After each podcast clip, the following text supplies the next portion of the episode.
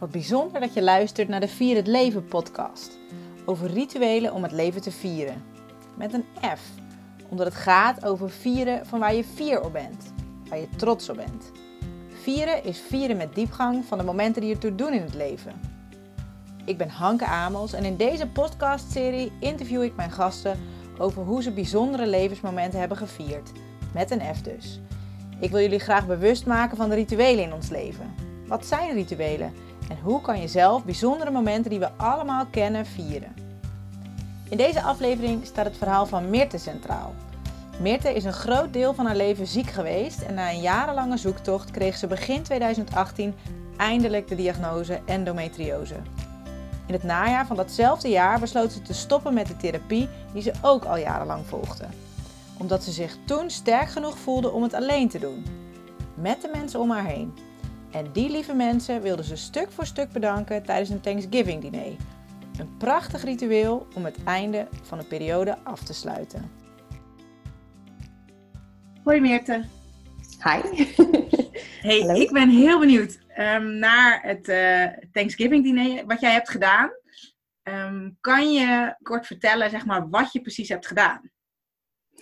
Uh, ja, om, om inderdaad een periode af te sluiten, uh, een periode van uh, voornamelijk mijn depressie, heb ik ervoor gekozen om alle mensen die mij in die periode hebben geholpen en geondersteund een Thanksgiving diner te organiseren.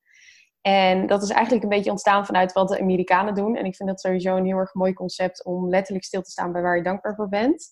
En dat viel zo mooi in elkaar met voor mij uh, een hele moeilijke periode afsluiten. Dat ik dacht van ja, dat is eigenlijk wel een hele goede aanleiding om de mensen om mij heen te laten weten dat ik dankbaar voor ze ben. En dat heb ik aan de hand van een diner gedaan. En daar waren ongeveer twaalf mensen bij aanwezig.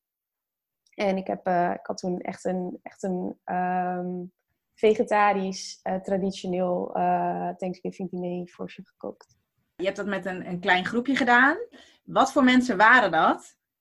Voornamelijk mijn familie en okay. twee hele dierbare vriendinnen. mijn schoonouders, mijn vriend en twee hele, hele dierbare buren.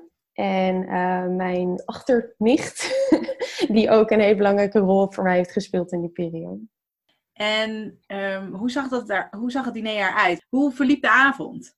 Mijn schoonouders die hebben een hele mooie kelder aan de gracht in Utrecht. En um, ik had zeg maar die hele locatie heel erg mooi aangekleed met een hele mooie langgedekte tafel. En um, we zijn eigenlijk begonnen met lekker borrelen en elkaar een beetje, want het was wel een groep die elkaar nog niet zo heel goed kende. Dus dat vond ik in het begin ook best wel spannend. En uh, we zijn eigenlijk gewoon begonnen met lekker borrelen en uh, daarna het diner eten. En uh, tijdens het dessert uh, heb ik iedereen apart aangesproken. Dus nou, een soort van speech gehouden voor iedereen apart. En ze vertelt wat ze voor mij in die periode hebben gedaan en waarom ik dus op dat moment heel erg dankbaar was. En mijn moeder heeft gelijk toen ook de kans gepakt om haar zegje te doen. en ja, volgens mij, het, het was gewoon heel erg mooi. En juist omdat het zo intiem was, was het heel erg bijzonder. En ik weet nog heel goed dat ik enorm geëmotioneerd was door wat ik op dat moment voelde. Omdat je, nou, je gaat dan bewust iemand echt bedanken. En dat doe je normaal of niet, maar even snel tussen de regels door, zeg maar. En nu was het heel erg bewust. En vooral bij mijn vriend merkte ik dat er zoveel emotie achter zat. En dat dat zo gehoord mocht worden. En dat ik hem zo dankbaar was voor het feit dat hij altijd achter me heeft gestaan dat, dat, echt, dat ik daar zelf ook een beetje was geschrokken. Dat ik dacht van wow, dit is echt wel, dit, dit had gewoon zo moeten zijn. Want ik, ik moest gewoon hem delen op deze manier voor al deze belangrijke mensen in mijn leven. Dat, dat, dat hij echt een, een steen is geweest toen ik hem nodig had, zeg maar. Dus dat, ja, het was echt heel bijzonder. Klinkt ook ja. inderdaad echt alsof het heel bijzonder was. Helemaal als je dan dus inderdaad iedereen één voor één afgaat. En hoe, want jij zegt je was heel geëmotioneerd. Hoe uit zich dat dan bij jou? Uh, nou ja, echt wel gewoon tranen. Ja, oké. Okay. en ja. stotterend echt zo, zo praten, zeg maar. En ik had ook niks voorbereid van tevoren, okay. dus het was echt allemaal uh, on the flow. Dat maakt het denk ik alleen maar puurder. En helemaal als je dan zo geëmotioneerd bent. Ik kan heel erg me mee, mee laten nemen in woorden en een beetje gaan stotteren. Dus het was echt wel ook een beetje knullig, denk ik. Maar juist meer echter en meer hoe ik ben. Dus dat was, uh, ja, was echt heel fijn. En ja, je hebt dat dan dus inderdaad op deze manier gedaan. Je zegt het net zelf al een beetje van, oh, dit, het was ook wel, wel spannend. hoe heb je het voorbereid, zeg maar? De, de, is het dan een proces wat lang duurt, dat je op een gegeven moment dacht, oh, ik wil dit doen? Of wanneer besluit je dan van, oké, nou, misschien wel, fuck it, ik ga het gewoon doen? Ik kan me dat niet zo heel goed meer herinneren. Ik weet wel dat juist doordat, zeg maar, ik, ook vanuit Instagram en dat soort dingen, weer een beetje dat diner, dat natuurlijk dat Thanksgiving in Amerika weer wat meer aandacht kreeg. En dat ik toen dacht van, hé, hey, ik vind dat eigenlijk wel echt een heel erg mooi concept. En vanaf dat moment is voor mij een beetje een balletje gaan rollen. Volgens mij heb ik een maand van tevoren de uitnodiging verstuurd. En um, wat ik toen heel erg merkte, is dat ik het echt heel spannend vond om mensen echt bewust voor zoiets uit te nodigen. Omdat je niet weet hoe iedereen gaat reageren. Het gebeurt natuurlijk niet zoveel, of eigenlijk nooit. en um, ik had in het begin ook meer mensen uitgenodigd dan dat ik uiteindelijk heb laten komen. Oké. Okay. Uh, omdat het op dat moment ook weer lichamelijk niet zo erg goed met me ging. Um, dus ik heb ook nog een weekend daarvoor besloten om een deel af te zeggen, wat voor mij ook een ah. heel groot ding was. Yeah. Uh, maar ik merkte gewoon aan mezelf dat het te veel druk was en dat ik um, als perfectionist te veel druk had gelegd op hoe ik mensen wilde bedanken. Waardoor het ook weer een heel ander proces uiteindelijk is geweest dan dat ik me van tevoren had bedacht, zeg maar. Nee, je zet een aantal mensen bij elkaar die elkaar eigenlijk misschien helemaal niet zo goed kennen. Wat het ook wel echt spannend maakt. Ja, zeker. Ja, en, en ook omdat um, de ene net wat meer weet dan de ander van mijn situatie. Het zijn wel mensen die er altijd wel echt zijn geweest, maar niet iedereen weet natuurlijk evenveel.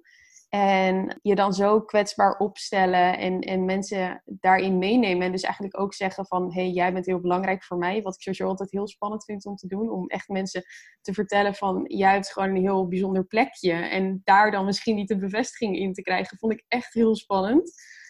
Dus ja, ik denk dat het een soort van combinatie was van dingen die, die voor mij best wel de druk erop legden of zo. Wat eigenlijk achteraf gezien totaal niet nodig was. Maar het was zo van, ik, ik wil zo graag hun laten voelen dat ik ze dankbaar ben. Maar het is ook heel spannend. En, dus het was echt zo'n hele rare combi van verschillende emoties. Wat het misschien alleen maar emotioneler maakte toen ik ze daadwerkelijk ging toespreken. Wat ik vaak zie en hoor, is dat dus inderdaad uh, mensen bij wie nou, bijvoorbeeld gezondheid of het leven niet vanzelfsprekend is, dat je dan dus die urgentie voelt. Hè? Nou, dat is bij jou ook zo. Uh, je bent een tijd ziek geweest, waardoor je ook voelt van oké, maar dit is voor mij echt belangrijk. Kan mhm. je iets vertellen over jouw ziek zijn? Ja, nou ja, ik heb um, sowieso twee keer een depressie gehad. Dat vind ik ook onder ziek zijn vallen. Zeker. En um, dat, is, dat heeft sowieso altijd een heel groot gedeelte van mijn leven opgevuld. Daarnaast ben ik uh, in 2018 uh, eh, gediagnosticeerd met endometriose. En dat is een hele lange zoektocht geweest. En juist daardoor heb ik heel erg geleerd dat er sowieso niks mooiers is dan gezond zijn of energie hebben. En dat je juist vanuit die, um, die manier van kijken naar het leven heel erg leert om dankbaar te zijn op het moment dat het wel goed gaat. En om dankbaar te zijn op het moment dat je echt gewoon kan voelen van oké, jeetje, wat, wat, bijzonder dat ik inderdaad zo'n diner kan geven. Wat bijzonder dat er mensen om me heen staan die er voor me zijn. En het is, het is niet zo vanzelfsprekend. Op het moment dat je ziek bent, is het leven minder vanzelfsprekend. En juist daarom leer je heel erg te kijken naar de momenten die heel mooi zijn. Juist omdat het niet vanzelfsprekend is dat die momenten zo mooi zijn. Was er iets wat je achteraf anders zou hebben gedaan? Of nou ja, waar je misschien hulp bij gehad zou willen hebben? Nou, ik had sowieso achteraf mezelf minder druk opgelegd. Ja. Dat was wel. Het was echt zo'n gestres uiteindelijk om zelf alles te koken. En daar ben ik echt drie dagen mee bezig geweest. Wat eigenlijk gewoon voor mijn lichaam op dat moment helemaal niet zo slim was. Uh, dus dat had ik graag wat anders willen aanpakken. En, en hoe had je dat dan gedaan? Ja, wel dat... hulp ingevraagd, denk ik. Maar dan wel gewoon van de mensen om me heen. Ik had ja. daar niet zozeer uh, echt een kok voor gevraagd nee. of zo. En ik had misschien net iets meer willen nadenken over de manier hoe ik mensen uh, zou willen bedanken. Want natuurlijk voor iemand koken is ontzettend dierbaar. Voor iemand zo'n diner uh, hosten is, betekent ook heel veel.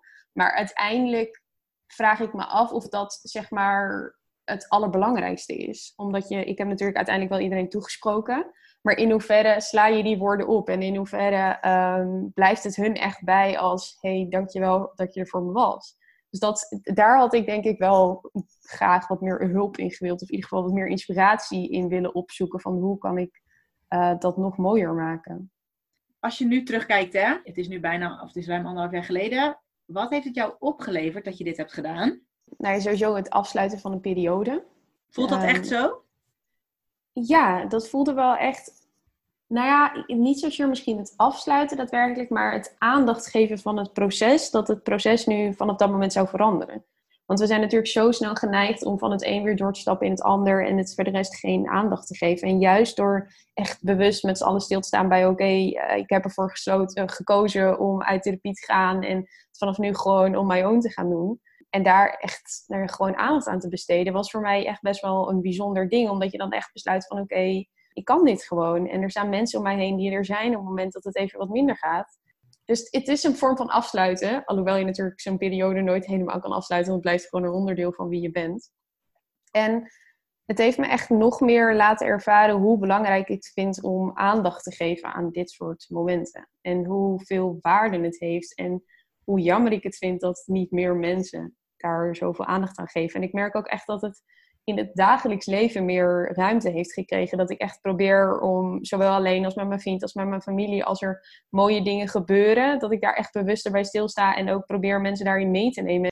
En kan je proberen te benoemen wat dat dan precies is? Of wat, daar, waar, wat zit daar dan? Wat vind je daar dan nou ja, zo fijn en zo bijzonder? Wat voel je dan als je dat doet? Het, het gevoel dat je, dat je leeft en dat je stilstaat bij, bij de dingen die er in jouw leven gebeuren het is echt even uit die trein stappen en kijken van, wauw, hoe ver ben ik gekomen? Of wat heb ik het afgelopen jaar wel niet meegemaakt? Maar kijk hoe ik hier nu sta.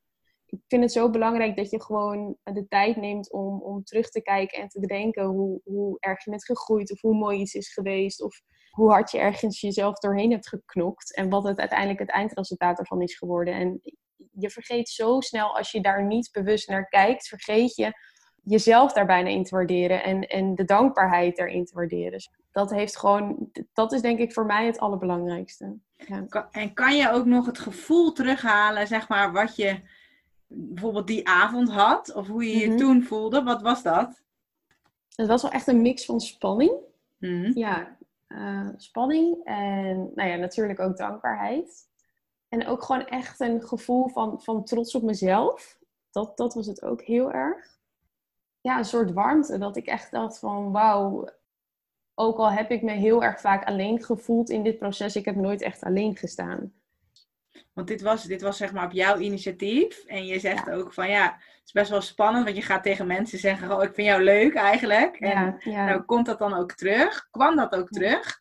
Ja, ik heb wel echt heel veel liefde gevoeld die avond. En daar hadden een paar mensen een cadeautje voor me meegenomen. En het was wel echt, het, ging echt om mij. En iedereen was daar voor mij. En dat was gewoon heel erg bijzonder. En ik kan me nog wel herinneren dat mijn vriend echt niet wist wat hij met mijn woorden aan moest. En wat, die zat er echt zo van...